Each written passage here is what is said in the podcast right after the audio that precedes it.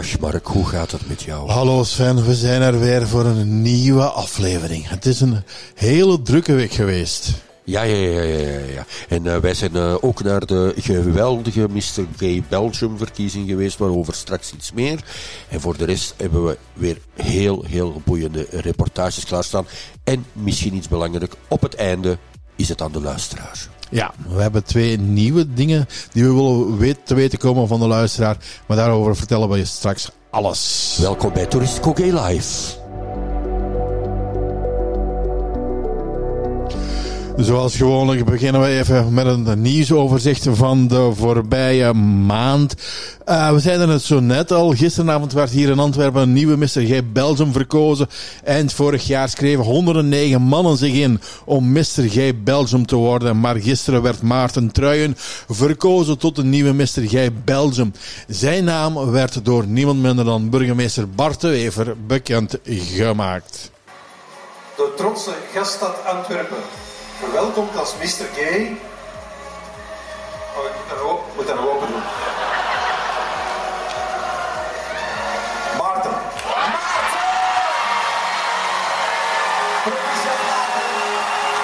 Maarten, proficiat. Eerste reactie, hoe was het om je naam te horen als winnaar? fantastisch. Ik, ik had het gewoon zelf niet verwacht. Ik had echt gehoopt om in die top 3 te mogen zitten. Dat was ook wel mijn streefdoel. En, en, en puur om mijn thema over te brengen. En ja, eerste plek. Ik bedoel, ik had het echt niet zien aankomen. Ik ben echt zo, zo intens blij en trots. En ik ben ook helemaal klaar om ervoor te gaan. 109 mannen die probeerden Mr. G Belgium te worden. Jij bent het geworden. Waarom ben jij in die race gestapt? Mijn doel was eigenlijk voornamelijk de wereld een stukje mooier maken. Ik bedoel, mijn intentie is ook gewoon liefde verspreiden, een stukje zelfliefde, een stukje liefde voor anderen. En dat was ook mijn intentie. En ik vind dat de wereld er na een paar sombere jaren toch wel echt mond aan heeft. Maarten Truijen is 33 jaar. Hij woont in het Limburgse Kinrooi en heeft een eigen praktijk als spiritueel coach.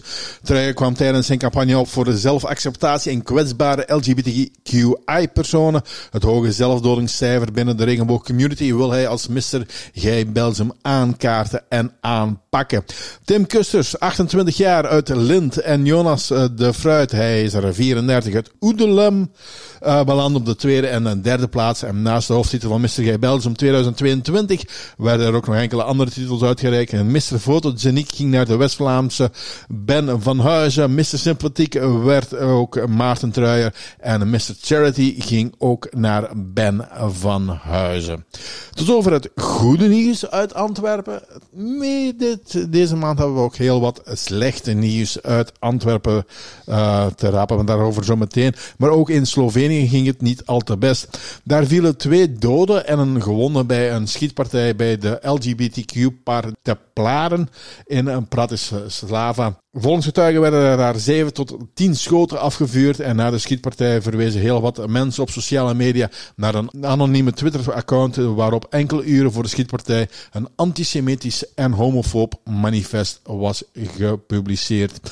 Goed nieuws dan wel weer in Polen, want het land moet de in, het buitenland afgesloten huwelijken van Poolse homoseksuele koppels erkennen. Dat besliste de hoogste administratieve rechtbank van Polen.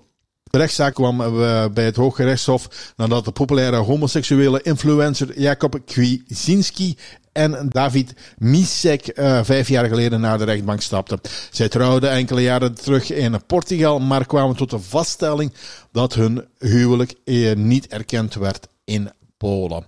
En ik zei het zo net al, en ook slecht nieuws van het Antwerpen, want na 26 jaar sloot uh, eind oktober de oudste LGBTQ-boekhandel van de Benelux hier in Antwerpen. Kartonnen dozen zijn deuren definitief. Daarmee verdwijnt er ook een icoon uit het Antwerpse LGBTQ-gemeenschap. In uh, de winkel was uh, gekend voor zijn zorgvuldig geselecteerd algemeen aanbod en ook heel wat LGBTQI-literatuur en het was natuurlijk ook een veilige plek voor de Antwerpse regenboog community. En enkele dagen voordien moest Antwerpen nog slecht nieuws slikken, want toen moesten ze afscheid nemen van Paul Rademakers. Hij overleed op 102-jarige leeftijd. Paul Rademakers was het boegbeeld van het gesprekscentrum in Antwerpen dat in 1968 werd opgericht. Die vereniging ving homo's op en leerde zich, hun zichzelf te aanvaarden. En daarboven legde Paul ook nog het contact met de buitenwereld en maakte hij het begrip homoseksualiteit bij het brede publiek bekend. Hij organiseerde lezingen, discussies en gaf voorlichtingen over heel Vlaanderen. En vastberaden sprak hij met zoveel mogelijk mensen om zo'n visie op de homoseksualiteit te veranderen. In 1971 richtte Paul samen met de priester Wilfried Lammens de nieuwe groep op, het GOC, het Gespreks- en Onthaalcentrum in Antwerpen. En die, succes, uh, of die vereniging was zeer succesvol, want jij kent die ook natuurlijk, Sven. Ja, ik, uh, ik, heb daar ooit, ik heb daar ooit mijn coming-out gedaan. Dat, dat, waren de jaren dat je nog niet sprak over een Red and Blue, over een Hessenhuis. Je had de Rue de Vaseline, waar alle gaybars waren. Maar eerst ging iedereen uit op zaterdagavond naar het GOC. Hadden, was klein discotheekje, 300 man met de La Bamba. En uh, ja, daarna trokken we allemaal tot in de vroege uurtjes in de Van Schoonhovenstraat. Maar ik heb daar menig uren versleten. Ik ben daar ook heel wat jaren vrijwilliger geweest. Ook voor het magazine Uitkomst, hè, het vroegere gay-magazine. Nu een beetje, ja, een beetje gelijkaardig aan de Zizo van, uh, van uh, Savaria. um, nee, ik, ik moet zeggen, ja, dat, had het GOC er niet geweest had er nu geen Toeristico Gay live geweest. Oké, nog even vermelden dat het uh, in 2020, ter gelegenheid van zijn honderdste verjaardag, kreeg hij ook nog van Savaria de Lifetime Achievement Award. En uh, ook uh, vorige week ontviel ons uh, een ander Vlaams homo-icoon. En toen overleed namelijk zanger Wil Verdi. Je kent hem van liedjes als Het Schrijvertje en Christine. Hij werd een instant homo-icoon. Omdat hij zich in, als eerste Vlaamse artiest op de televisie auto. En dat deed hij in een televisieprogramma in, de jaren 70. Ik sprak hem enkele jaren geleden terug over hoe hij dat toen beleefde men moet ermee leven.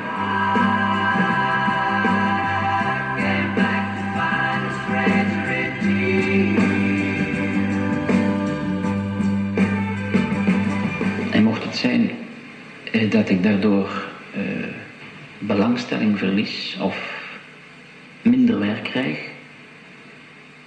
dan zou ik dat werkelijk heel jammer vinden. En toch zou ik het niet betreuren dat ik het gezegd heb. Het is te zeggen, het is, er is een voorloper geweest van mijn officiële coming-out op televisie in, december uh, 70. Uh, dat was op radio, Radio 1. Uh, dus toen noemde dat nog Brussel, geloof ik, of zo, de, de officiële zender dus. er was een radioprogramma dat dus artiesten doorlichtte in hun privéleven en in hun carrière. En daar werd mij al de vraag gesteld. Ik werd geconfronteerd met een, een ex-pianist van mij, die dus gewoon verklaarde dat ik homoseksueel was. En men had mij voorgesteld, dat was een opgenomen programma op voorhand. Men had mij voorgesteld dat dat zou geknipt worden. Ik heb toen gezegd, nee, dat gaat uitgezonden worden. En ik heb erop geantwoord, ik heb gezegd, oef, nu hoef ik geen uitvluchten meer te zoeken, het is zo.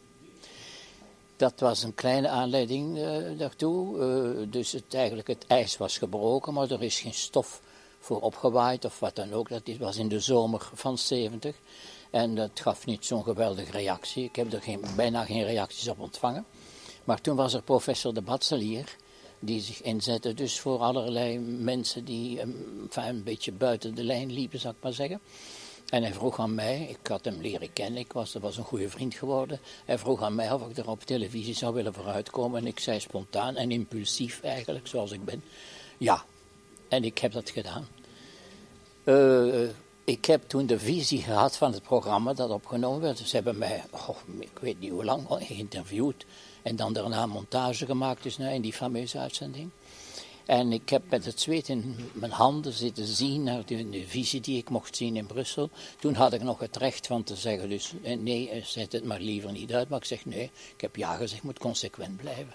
Dus ik heb die uitzending meegemaakt met mijn moeder naast mij op een zaterdagavond, ik weet het nog zeer goed. En toen afgewacht wat het zou worden. En ik moet zeggen, ik had die stap gezet en ik heb Ik had geen angst meer. Ik heb gezegd, het is gebeurd. Inderdaad, het was gebeurd in de jaren 70. En wist je overigens, Sven, dat zijn grootste hit, Christine, eigenlijk gebaseerd is op een uh, gedicht dat hij schreef met als titel Mijn Vriend, waarin hij het had over een ontmoeting met een man waarmee hij drie jaar lang een relatie had, maar die zelf niet uit de kast wou komen. Wilverdi vervrouwelijkte dan het nummer en bracht het uit als Christine. Oké. Eindigen doen we met positief nieuws, Mark. Want de World Pride komt in 2026 naar Amsterdam. Party! Ja, voor het eerst in de geschiedenis kom, uh, dus komt het naar Amsterdam. De stad versloeg het Amerikaanse Orlando in de race om het wereldwijde LHBTIQ evenement binnen te halen. De World Pride werd voor het eerst in 2000 gehouden in Rome en vindt sinds 2012 elke twee à drie jaar plaats. Eerdere edities waren onder meer in Jeruzalem, Londen, Toronto, Madrid en de, uh, de laatste was in New York, trok bijna 4 miljoen mensen. Volgend jaar zal de World Pride in Sydney doorgaan. En men verwacht uh, toch dat er honderdduizenden mensen naar, naar uh, Amsterdam gaan afschaffen. Nog een weetje, oorspronkelijk was het plan dat er in 2025 een World Pride zou zijn in Taiwan. Maar dat evenement is geannuleerd om politieke redenen. Inderdaad, dat klopt. Dus uh, 2026 allemaal naar Amsterdam voor de World Pride. We gaan nog even terug naar Antwerpen. Gisteravond met de Mr. Gij Belgium verkiezing. Ieder jaar zet daar de organisatie een andere organisatie in de picture, in de spotlight. En dit jaar was het het opvanghuis, het La Revues in Brussel. En wat dat precies is, dat vertelt ons Hans Peters. Enerzijds bieden wij zowel begeleiding als opvang voor jongeren die thuis niet langer welkom zijn omwille van hun geaardheid maar ook uh, jongeren die hun land ontvlucht hebben omwille van hun geaardheid en die bijvoorbeeld en hier asiel aangevraagd hebben, die geven we begeleiding en indien nodig vangen we die ook op. Ja. Ja, jullie bestaan nu iets meer dan vier jaar. Hoeveel jongeren hebben jullie ondertussen geholpen daarmee? Um, dat varieert. Ik denk dat wij ondertussen, uh, we hebben natuurlijk een aantal jongeren uh, um, begeleid. Hè. Daar zitten we rond een, een, paar honderd jongeren die we in die afgelopen jaren begeleid hebben. En ook echt mensen die we tijdelijk onderdak hebben geboden, zitten we rond net boven de honderd mensen, denk ik. Wat, wat bieden jullie precies aan? Niet alleen onderdak, maar ik neem ook dat je onder begeleiding aan, aanbiedt. Waar het bestaat die precies? Wel, daar maken we natuurlijk ook het verschil op tussen de jongeren die, die hier in België geboren en getogen zijn en die onze hulp nodig hebben. Daar proberen we eigenlijk binnen een periode van, van, van drie maanden uh, proberen we die mensen volledig op eigen voeten te laten staan. Dat betekent um, eventueel een, een, inkomen helpen aanvragen bij het OCMW, indien ze nog geen inkomen hebben. of hen alles helpen in orde maken om hun studies verder te zetten. En hen dan ook een eigen appartementje of een eigen studio te bezorgen. Ze helpen ook daarbij die zoektocht. Zodat ze, wanneer ze inderdaad thuis het huis moeten verlaten, dat ze zo snel mogelijk financieel en puur praktisch ook op eigen benen staan. Anderzijds hebben de jongeren die uit het buitenland naar hier komen en een asielaanvraag hebben lopen, wanneer deze mensen veilig zitten in, het, in een asielcentrum, dan worden die mensen eventueel begeleid bij hun uh, procedure. Um, we hebben een, een, een specifiek ook uh, een paar medewerkers voor die daarvoor al die zich daarin gespecialiseerd hebben. Maar ook indien deze jongeren niet veilig zijn in het uh, asielcentrum, wat jammer genoeg ook regelmatig voorkomt, dan bieden wij hen ook uh, onderdak aan. Dat zijn dan mensen waarbij begeleiding en eventueel het onderdak natuurlijk, dat we aanbieden, dat het een langere tijd duurt, omdat die procedures ook langer in beslag nemen natuurlijk. Ja, hoe lang kunnen ze bij jou of bij jullie terecht blijven uh, op zo'n in, in zo'n opvanghuis? Of, of, of, de, de, de doorlooptijd voor, voor, voor jongeren die zich dus niet in een asielprocedure bevinden, is, is, is drie maanden. En dus dan proberen we op drie maanden echt alles in orde te hebben, administratief, uh, en ook een, een, een, een definitief verblijf ook, ook te vinden. Dus een studio te huren of een appartement te huren. Ja, en, en, en voor de jongeren die een asielaanvraag hebben lopen, hangt dat, loopt dat heel dikwijls samen met de asielaanvraag zelf. en, en, het manier, en de manier waarop die verloopt natuurlijk. Ja, uh, jullie zijn net voor de coronacrisis geopend en we zitten er nu zo goed als uit, hopelijk. Uh, hebben jullie een, een, een, toename van een hulpvraag ge, gekregen of, of, of, of, gezien tijdens die coronacrisis? Ja, we hebben dat tijdens corona wel gezien. Ehm, dat, dat, dat bij de jongeren, bij de aanvragen die we kregen, dat daar toch wel een lichte ook een significante stijging in zat. We vermoeden ook dat dat natuurlijk, zoals bij andere uh, items en issues ook, dat, dat men gemerkt heeft dat doordat iedereen natuurlijk binnen zat en dicht bij elkaar op elkaar slipt, dat daar de spanningen soms iets hoger opliepen. En dat heeft op een gegeven moment toch wel geresulteerd in een piek. Ja, ja, dat klopt. Zien jullie ook een, een polarisatie die in de maatschappij bezig is momenteel, zien jullie daar ook een, dat, dat dat ook een invloed heeft op, op jullie hulpvragen die, die jullie krijgen? Nee, op, op dit moment. Naar, het, het heeft natuurlijk te maken met, met, met de, de, de, de maatschappij waar men, waar men vandaan komt. We zien vandaag toch heel dikwijls dat um, um, um, bij, bij jongeren die hun land ontvlucht zijn, uh, dat, dat daar uh, heel, heel dikwijls de, de geaardheid nog een, een, een hele moeilijke, een heel moeilijk issue is. Bij de jongeren vandaag zien we ook dat we merken wel dat de maatschappij hier in, in, in België een bepaalde evolutie heeft doorgemaakt. Um, maar we merken toch dat bepaalde dingen dan toch nog wat moeilijker liggen dan andere. Dus we merken daar toch wel een, een, een verschil in. Maar vandaag merk je niet dat de polarisatie die vandaag plaatsvindt, dat dat noodzakelijk een, een impact heeft op, op het aantal aanvragen dat we binnenkrijgen. Jullie zitten hoofdzakelijk in Brussel, uh, maar er zijn natuurlijk ook nog uh, andere gebieden waar, ja. waar mensen problemen hebben om die, omdat ze niet bij een familie terecht kunnen of zo. Zijn jullie van plan om nog in andere steden uh, opvanghuis of, of appartementen te openen?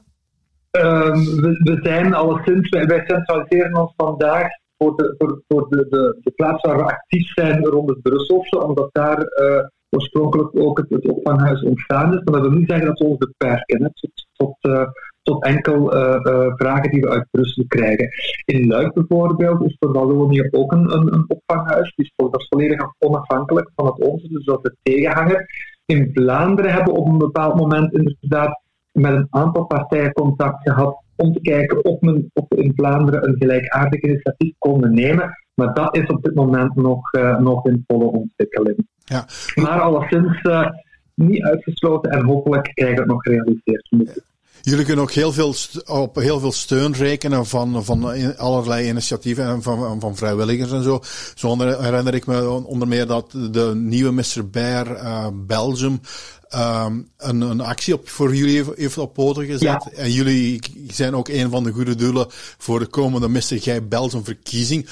Hoe, hoe voelt dat, dat dat jullie zo, zoveel steun krijgen van, vanuit de LGBT-community? Ja we zijn er heel dankbaar voor. En, en, en je ziet ook dat dat bij de jongeren uh, uh, bij ons, dat hen dat, dat allee, echt helemaal heel goed, goed doet. Dat, dat ze gesteund worden over zo'n breed vlak. Hè? Want er soms een rekening zijn met mensen die uit, uit een omgeving komen waar ze net omwille van hun geaardheid uh, ja, weggegaan zijn of daartoe verplicht werden. En, en als je dan ziet dat ze uh, in, een, in een context terechtkomen waar we willen van die geaardheid net wel zoveel ondersteuning ontvangt, uh, dat is voor hem echt wel heel belangrijk. Om te merken dat, er, dat, dat ze op, op, op een breder vlak daardoor ondersteund zijn. Ja, absoluut. Ja, jullie zijn ook onlangs met een affichecampagne gestart. Vertel daar eens even over. Wat was de opzet daarvan, ja. die campagne, en hoe ziet die er precies uit?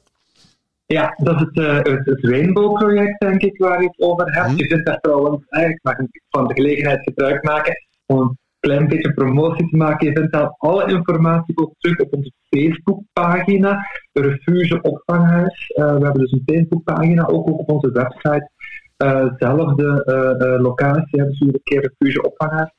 Um, wel, dat is een advies, dat is samen met, dat is eigenlijk het Europees project. Dat we met een aantal opvanghuizen in andere Europese landen hebben gelanceerd, omdat we eigenlijk eigen voor een specifieke opvangprocedure voor mensen die in Europa asiel aanvragen omwille van hun geaardheid.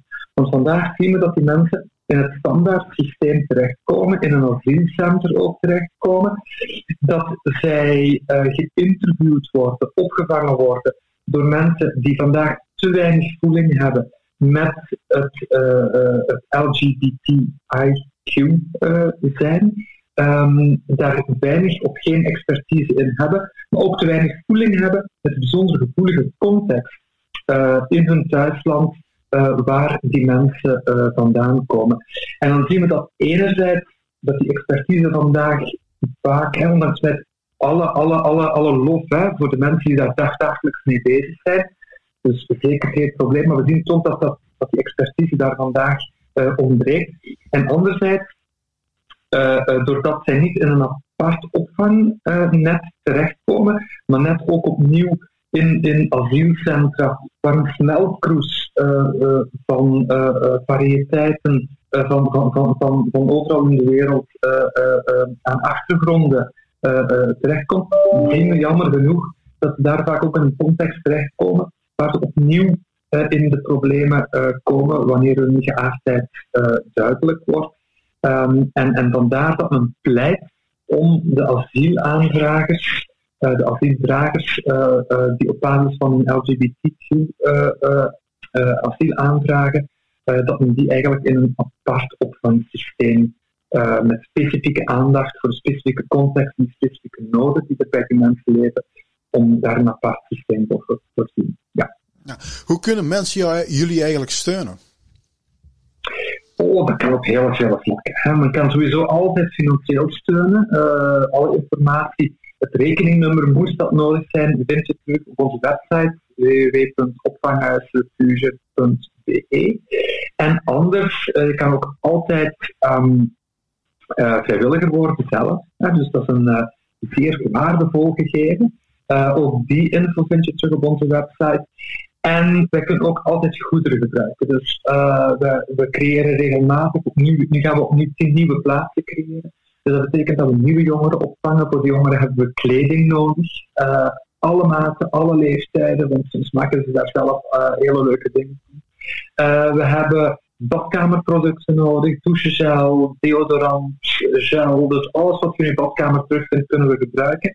En ook um, um, um, alles wat met beddengoed te maken heeft. Dus eenpersoonsbedden, uh, matrassen, uh, lakens, uh, domstekens, want dat vliegt er heel snel door. Ja. Ook daar alle info vind je terug op onze website, dus uh, kan je altijd doorklikken en een mailtje sturen. Jullie zijn actief op Facebook, je hebt het al verschillende keren gezegd. Wat is jullie precieze benaming op Facebook? Waar vinden ze jullie terug? Wel, we hebben enerzijds onze Facebookpagina, waar je ook regelmatig uh, info over de activiteiten die we met de jongeren doen en over de campagnes die we doen. Uh, dat is um, Le Refuge Bruxelles het opvanghuis Brussel, dus heel gemakkelijk te vinden. Of anders via onze website, daar vind je ook alle informatie terug als je wilt vrijwilliger worden of als je wilt goederen geven. En dat is www.refugeopvanghuis.be. De, alle informatie vind je dus terug op de website. En moest het iets te snel gegaan zijn, dan kun je de links ook terugvinden in de omschrijving van deze podcast. En we blijven ook nog even in Brussel, want eerder dit jaar lanceerden de Rainbow-ambassadeurs daar hun, eh, de, hun manifest met vijf eisen die de zichtbaarheid van de LGBTQI-senioren en hun situatie moet verbeteren. Een zestigtal bedrijven die en organisaties en individuen hebben het manifest reeds ondertekend. En daarmee, of daarover sprak ik met niemand minder dan Hilde de Greef. Hilde, jullie herlanceren vandaag de Rainbow Ambassadors. Wat, wat zijn Rainbow Ambassadors eigenlijk? Uh, Rainbow Ambassadors is eigenlijk een groep vrijwilligers die zich bezighoudt met de LGBTQ senioren. En de LGBTQ senioren, dat is eigenlijk een vergeten groep binnen gans het LGBTQI-gemeenschap. En wij komen op voor die LGBTQ senioren, want wij merken dat die senioren uh, op een zekere leeftijd terug in de kast kruipen. Dus zij hebben zich schrik om te outen, één keer dat zij zorg nodig hebben. En wij merken dat heel sterk als zij naar een zorgcentrum of naar een dienstencentrum gaan. Dan durven zij niet zeggen dat zij lesbisch of homo zijn, uh, omdat zij schrik hebben van hun medemensen, hun medebewoners, uit schrik van hun reactie. Jullie hadden al enkele lokale groepen, ik denk bijvoorbeeld aan Antwerpen. Nu willen jullie landelijk gaan. Uh, hoe gaan jullie dat aanpakken? Uh, wij hier in Brussel, wij dachten oké, wij willen zoiets oprichten. En wij dachten ja, we moeten het warm water niet gaan uitvinden. Wat bestaat er al in België? We zijn heel rap op Antwerpen gevonden en we hebben copy-paste van Antwerpen gedaan. Dat was eigenlijk het gemakkelijkste. Zo hebben we dus een VZ2 opgericht samen met Antwerpen. En toen dachten we, oké, wij voelen ons goed samen. Laten we eens kijken naar de andere steden, want die, die behoefte is er ook. En zijn we gaan kijken in andere steden om daar... Ja, alles start eigenlijk met een persoon, een trekker. We zijn gaan kijken in andere steden om daar dus trekkers te vinden. We zijn gaan spreken met, uh, met Gent, met Hasselt, met Leuven. Met namen op dit moment, uh, dus met verschillende steden. En de moeilijkheid, we vinden daar wel mensen, we vinden daar wel uh, heel veel geïnteresseerden. Maar trekkers vinden is altijd het probleem. Eén keer dat je een goede trekker hebt, dan zijn ze vertrokken. Jullie lanceren ook een manifest, een uh, ambassadeursmanifest met vijf punten. Wa waarom lanceren jullie dat en wat staat er allemaal precies in? Dat manifest is voor ons belangrijk. Enerzijds willen wij de overheid alert maken dat we bestaan en dat er toch nog heel veel moet gedaan worden. er is heel wat werk aan de winkel. En uh, er staat bijvoorbeeld in ons belangrijkste eis, vinden wij, is een uh, referentiepersoon hebben binnen de centrums. Als wij ergens ankerpunten hebben binnen de verschillende centrums, dienstencentrums, zorgcentrums, overal waar senioren zijn, als we daar een persoon hebben in huis die erkend wordt door de gemeenschap, door de overheid, die zich tijd mag en kan vrijmaken om zich bezig te houden met al wat LGBTQ-problematiek aangaat, dat vinden wij belangrijk. Een referentiepersoon hebben. Als die persoon daartegen ook nog financieel uh, ja, een vergoeding krijgt, dat zou super zijn. Moest dat van de overheid daartegen helemaal erkend worden. Maar wij werken nu aan de beleidsplannen, zowel, uh, ja, ga ik zeggen, hier ik spreek nu heel even voor Brussel. Wij hebben de referentiepersoon gekregen, zowel gewestelijk, we zijn dus ook federaal, je hebt het gehoord vandaag in de toespraak, federaal staat het ook al in de beleidsplan, zodanig dat het opgenomen wordt in de beleidsplannen van de regering en zijpelt het door naar alle zorgcentrums, zodanig zij het moeten opnemen in hun werking. En dat is eigenlijk een van onze eisen. Uh, de term is al een paar keer gevallen. Woonzorgcentrums, een heel belangrijke schakel in jullie beweging en ook voor jullie, voor jullie doelgroep. Wat kan een, een directeur of een directrice van zo'n woonzorgcentrum doen om haar of, of zijn centrum meer LGBT-vriendelijk te maken voor holibische senioren? Heel veel kleine dingen. Wij denken vooral het grootste belang is uh, personeel opleiden. Uh, personeel de kans geven opleiding te krijgen naar LGBTQI-personen. Eh, Heel dikwijls, wij geven opleiding en ik merk dat dan, wij hebben bijvoorbeeld gisteren een opleiding gegeven en sommige mensen weten niet wat dat LGBTQI is. Begin al met uw personeel op te leiden, dat is al heel veel. Daar start allemaal mee. Maak uw, uw centrum dan LGBTQ-friendly en dat is nog maar gewoon, zorgt dat binnen uw centrum niet alles uh, hetero is, hangt daar ook een foto van een homo- of een lesbisch koppel. Zorg dat er folders in huis liggen. Zorg dat daar ergens een rainbow sticker of een rainbow vlag ook een keer hangt. Zodanig dat een persoon die LGBTQ is, merkt van oké, het is hier LGBTQ-friendly. En dat doet al heel veel. Heel kleine dingen kunnen heel veel maken. Jullie ijveren ook dat de beeldvorming in reclame en, en bij jongeren aangepast wordt.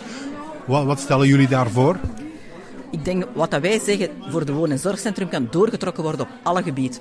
Ik sprak deze week met jongeren en die zeiden van ja, maar bij mij op school is dat juist hetzelfde wat dat jij zegt voor een woon- en zorgcentrum. Bij mij op school zijn mijn schoolboeken ook allemaal hetero. De schoolboeken moeten ook naar LGBTQI doorgetrokken worden. In mijn schoolboeken spreken ze ook nooit over twee papa's of twee mama's. Dus je moet dat doortrekken naar het onderwijs.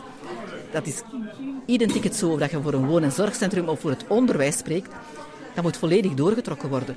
Die heteronormaliteit, dat zit daar nog altijd in. We denken altijd vanuit een hetero-gedachte. En ik denk dat, dat dat heel belangrijk is. Dat moet er volledig uit, die denkwereld. Ja. Hoe, hoe kan iemand regenboogambassadeur worden als ze geïnspireerd raken door, door dit, dit gesprek? Uh, je kan altijd naar onze website gaan en daar uh, gewoon uw mailadres achterlaten. Of, uh, daar, dat is gewoon het eenvoudigste. je kan een mailtje naar ons laten en zo met ons in contact komen. Ja. Tot zover de Rainbow-ambassadeurs en Hilde de Greef. Dus als je in contact wil komen, kun je het best surfen ook naar hun website.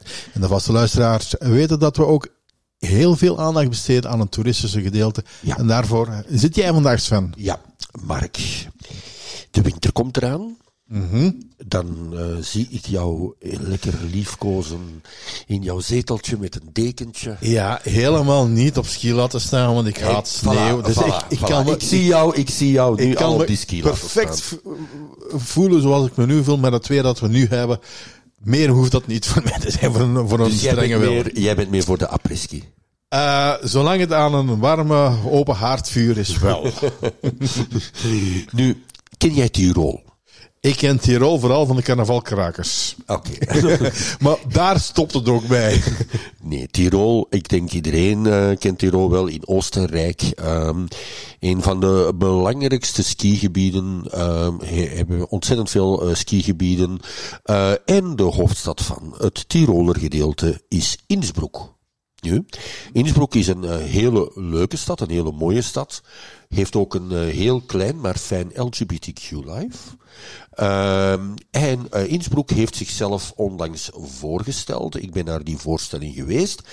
En waarom zeg ik Innsbruck? Dat ga, daar ga ik zo dadelijk op terugkomen.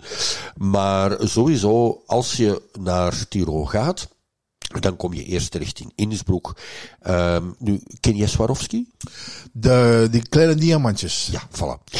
Innsbruck is daarvoor bekend. Oké. Okay, dus, de Swarovski. Dus alle liefhebbers naar Innsbruck, uh, van, van Swarovski naar Innsbruck. Ja. Nu, ik had een uh, gesprek met uh, Colette Vera van Innsbruck Tourismus over Innsbruck. Colette, Innsbruck. Heel veel mensen kennen het bij naam, maar vertel eens eerst, waar ligt het ergens? Het ligt midden in Tirol. Het is de hoofdstad van Tirol.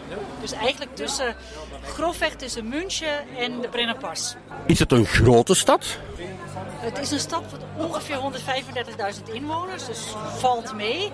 En ongeveer 30.000 daarvan zijn studenten. Oké, okay, dus het is een echte pure studentenstad? Puur niet. Uh, het, is, het is een sportieve stad.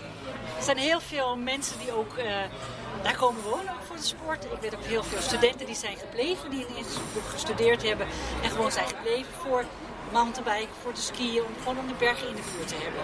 Ja. Het is een vrij jonge stad. De stad aan de andere kant heeft ook heel veel cultuur, heel veel um, oude gebruiken die nog steeds leven, die ook steeds sterker terugkomen, zoals overal waarschijnlijk. Hè, de, de, gebruiken van de voorvaderen, die, die zijn nog steeds belangrijk, maar het is ook heel modern en heel jong aan de andere kant. Ja, sportief. Sportief, ik denk Innsbruck kennen we wel een beetje van de skivakanties. Het winterseizoen gaat nu beginnen of is eigenlijk al een stuk bezig. Wat bieden jullie aan, aan de gasten die bij jullie willen komen skiën? Uh, wij bieden een Ski Plus City pas aan. Dat is een pas voor 13 skigebieden. Uh, dat is van de regio Innsbruck en de hele Stoebertaal samen. Dus, en buiten die 13 skigebieden hebben we 22 bezienswaardigheden die bij de pas in zitten. Uh, we bieden gratis skibussen aan alle gebieden. gebieden um, we bieden drie zwembaden aan die daarbij zitten. Um, nachtskiën. En noem maar op. Dus eigenlijk voor iedereen wat wils. Voor oma, opa, kleinkinderen die niet de hele dag willen skiën of als slecht weer. Dus je kunt alle kanten uit. En die 13 skigebieden die zijn goed samen voor 340 kilometer aan piste. Hoe sneeuwzeker is Innsbruck? Um, dan heb ik het over de regio Innsbruck natuurlijk. Innsbruck zelf is een stad, die ligt op 650 meter ongeveer. Um, ja, we hebben Kutai, dat is een van onze gebieden. Um, dat ligt gebied op zich op 2000 meter. Het dorp op zich, dat is heel sneeuwzeker. Start meestal begin december tot grofweg eind april. En wat natuurlijk ook bij ons, bij die, bij die pas hoort, het is de Stubaier Gletscher. En die is van september tot juli eigenlijk doorgaans geopend. Je hebt natuurlijk ook mensen die zeggen van, goh, skiën, dat is zo mijn ding niet.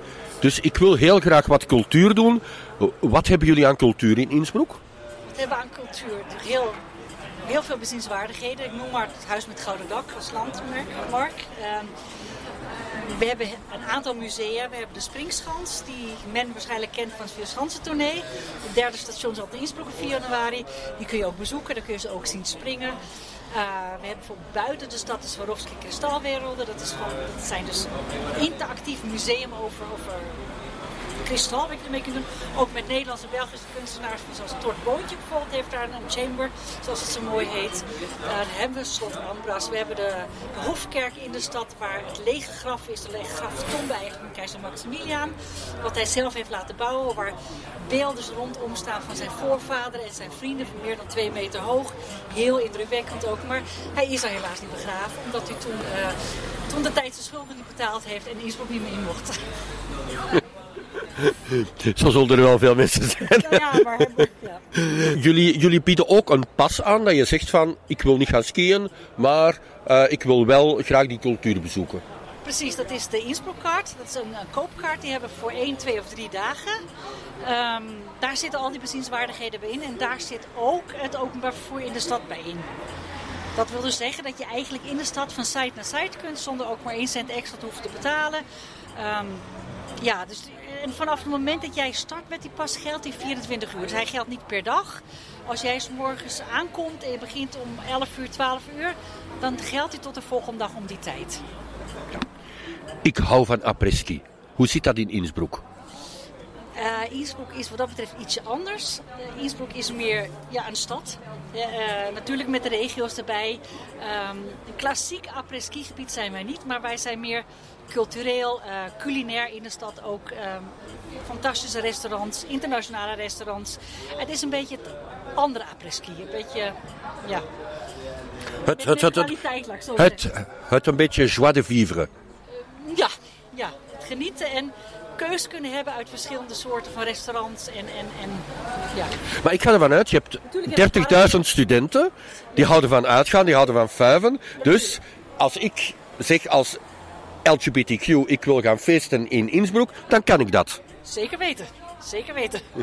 Is het een dure stad? Uh, valt mee. Ik denk dat het een beetje doorsnee is. Oostenrijk is over het algemeen nou, niet heel goedkoop, maar um, vergeleken bij Zwitserland natuurlijk stukken goedkoper. Ik, uh, ja, valt erg mee, denk ik. We hebben niet alleen het winterseizoen, we hebben ook allee, we hebben de vier seizoenen. Ook in de andere seizoenen bieden jullie heel wat aan, hè? Natuurlijk. De bergen zijn er ook in de, in de zomer natuurlijk. En als wat je in de winter kunt beskiën, kun je de winter bewandelen. En, en, en met, met bikes, met mountainbikes. Je kan omhoog, je kan naar beneden via trails. Je kan wielrennen. Um, natuurlijk ook in de sporen van het WK van 2018. Heel veel mensen die dat interessant vinden. Um, E-bike is een groot onderwerp tegenwoordig. Dus daar hoef je ook niet voor te schamen om met de elektrische fietsenberg in te gaan. Want je komt er anders niet. En het is fantastische belevenis ook voor mensen die eigenlijk uh, heel sportief zijn. Die zeggen achteraf, wauw, ik heb veel meer gezien dan ik gedacht had. En je moet even goed trappen. Ja. Hoe geraak ik daar vanuit België of Nederland? Um, met de auto vanuit Antwerpen ongeveer 850 kilometer. 9 uur ligt een beetje aan de drukte natuurlijk. Let wel dat je een tolvignet nodig hebt in, in Oostenrijk op de snelwegen. Uh, in de winter kun je vliegen vanaf Antwerpen en vanaf Brussel twee keer per week. Um, vanuit Nederland kun je in de winter dagelijks vanuit Amsterdam, um, Rotterdam en Eindhoven. In de zomer Amsterdam twee keer per week. En dan heb je natuurlijk de dagelijkse treinen. Ja, en je hebt ook een nightjet, hè? Een nightjet, maar ook vanuit Nederland, Amsterdam, Utrecht, Arnhem. Ja. En dan door naar Innsbruck. Ik denk dat ik heel dringend naar Innsbruck moet komen. Zeker weten. Mark, ja. de, de, winter komt eraan. Ik zie jou al zitten in jouw zeteltje. Inderdaad. Lekker ingeduffeld met, met de kachel. En dan denk jij van, ik wil gaan feesten. Ik, ja, inderdaad. Maar dan moet je al redelijk ver naar het zuiden gaan, ja. denk ik. Als ik zeg Winter Pride, dan denk jij natuurlijk aan Maspalomas. Hè? Inderdaad, lekker onder de zon feesten, daar zo. Maar ik heb zo vermoeden, als ik jouw gezicht zie, dat dat waarschijnlijk niet in die richting gaat zijn. Ik ga, jullie, ik ga jullie niks over Innsbruck vertellen, als er ook niks rond LGBTQ rondhangt. Nu, wat heb ik ontdekt? Dat men op één uur rijden van Innsbruck in Sölden, hè, is een ander skigebied, op één uur rijden daarvan, gaat men volgend jaar in maart de allereerste Winter Pride organiseren. En wat is er een beetje verschillend met de andere prides? Dat is dat men bij de Winter Pride in Sölden er zitten wel parties in, maar dat wordt niet het hoofdaspect. Men gaat, men wil eigenlijk gedurende die week vooral inzetten op leuke dingen samen doen, cultuur, uh, skiën, um, ja, eten, drinken, echt de LGBTQ-gemeenschap. Het gaat een heel leuke week worden met heel veel leuke activiteiten. Dus um, ik heb contact opgenomen met de organisator Alfred Holschknecht en ik had een interview met hem over de eerste Winterpride. Alfred, you're going to organize the Winter Pride in Sölden. Now, first, explain a little bit where can people find Sölden? So Sölden is a village in the Austrian Alps, located in the valley um, called Ötztal, which is approximately uh, 45 minute to an hour drive um, from our provincial capital Innsbruck. It is a small village with like um, 3,000 inhabitants and uh, around 18,000 guest beds. So in all uh, types of accommodation from five-star luxury hotels to um, very familiar B&Bs, you will find everything in Sölden. So it's, um, yeah, 70 kilometers from Innsbruck, um, easily accessible by car um, also by plane and then uh, private transfer or bus. And um, yeah, you could even take the train until um, Ötztal and then um, head the bus towards Sölden. So Oh. it's, uh, yeah. Yeah. How did you come to the idea of organizing a Winter Pride? Well, basically, there was an event in Sölden already, which was called the Gay Snow Happening. So this um, existed for like 15 years, and the last edition that took place was in 2019. So after that, due to um, COVID-19, um, organizers had uh, to cancel the 2020 edition, and there was no 2021 um, edition planned because there was no winter season because Austria was in lockdown.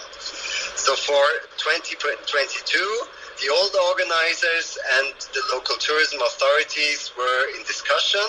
And as we are um, a local event agency and an LGBTQ travel agency, they wanted to bring us on board and help them organizing um, a new gay snow happening. What is happening in Sölden at the moment is that the destination um, changes its image, and the former gay snow happening was very strongly focused on party. But I already saw a little bit to the program. You are not really on the party thing. You are more about the snow thing and being together and have a nice time, correctly? Exactly, yeah. Of course, there will be parties. There will be an opening party. There will be a closing party.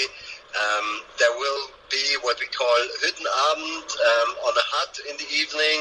Um, these kind of things will happen, but it will not be the case that there will be parties every night. So not guided parties. Of course, the participants, if they want to go out, they can go out because the nightlife in Sölden is still there. Um, it's just that uh, the focus of the destination is more on sports, is more on culinary, is more on having fun together in the snow, rather than um, on partying and uh, après ski. So this is why the focus of the whole event changed. And in order to do so, we also did a um, complete rebranding, and that's why it's no longer called the Gay Snow Happening, but it's called the Winter Pride. Can you tell us a little bit more about the activities you already have in mind that you want to organize with the people that will come to Winter Pride? Uh, yeah, definitely. So, first of all, we will be working with local um, artists and local hosts. So, we have um, drag queens that uh, live around the corner who will be hosting um, the whole thing. And of course, our staff members from Rainbow Travel will also be on the spot for the for the participants.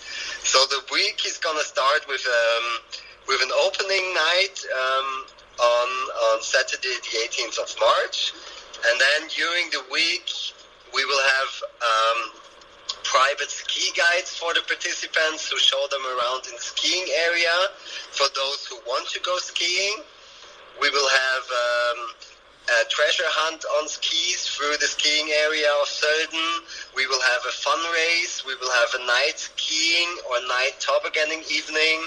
Um, and um, yeah, we will also have evening activities, as I said, such as the evening on the hut, um, where we will wear um, traditional dirndl and lederhose. So this is really going to be a typical upper ski party. Um, and then there will be uh, what we call um, add-on uh, events, which uh, have a very strong focus on culinary pleasures. Because, for instance, in Sölden we have the Ice Cube, which is a restaurant above 3,000 meters of sea level, where they turned a part of the James Bond Spectre. So it's also um, a connected museum for Spectre there, and this is going to be one of the lunch locations for the participants. If people want to go out in the evening and you not have a party, is there a gay life in Solden? Well, during this week there is a gay life in Sölden, um, and generally speaking, Sölden is one of the uh, more popular destinations um, for LGBTQ travelers because uh, people are very open-minded and um, there is a strong nightlife in Sölden. So um, this has not changed during the last years. There's several clubs, um, parties, après-ski locations where um, even if we do not organize a party for all of them together every night, they will have plenty of possibilities to go out. I'm one of the persons you not want to see on skis because I'm very dangerous on skis. Is there are there possibilities too when you want to come to Winter Pride but not want to ski? Uh, yeah, definitely. That's, this is also um, the first time, basically, that we always have um, a corresponding activity for those who won't ski um, while the others are skiing. So, um, for instance, we will take the non-skiers um, on guided winter hikes. We will go snowshoeing with them. Um, we will um, give them the possibility to maybe try cross-country skiing and um, of course, they will also get uh, the possibility of the fun activities. Um, instead of the fun race on ski, we will organize what we call Snow Olympics, where we have different, where we have prepared different games in the snow um, for them, and they will also be able to do uh, the treasure hunt, but uh, not on skis, rather uh, in the in the village of Sölden. In addition to that, um, just let me add one thing on that. We also, uh, in the neighboring village, which is called Langenfeld, there's one of Austria's most beautiful thermal spas. So this is also um, an interesting option for, for the non-skiers. A spa and LGBTQs, it's mostly, yeah, it comes together always. now, you sell packages of seven days, four days, and three days, correctly? Exactly. So basically, the participants have the choice. Um, either they book their accommodation, be it a B&B, an apartment, a hotel, plus what we call the event pass, um, all together in one, in one package via um, our uh, website, Rainbow Travel, or they book the accommodation themselves and they only purchase the event pass, which gives them access to all the activities that are included in the program. And this exists for seven days, for four days, and what we call the Pride Shorty, also for three days. If people want to book, where can they find more information? So the most important source of information is um, our website.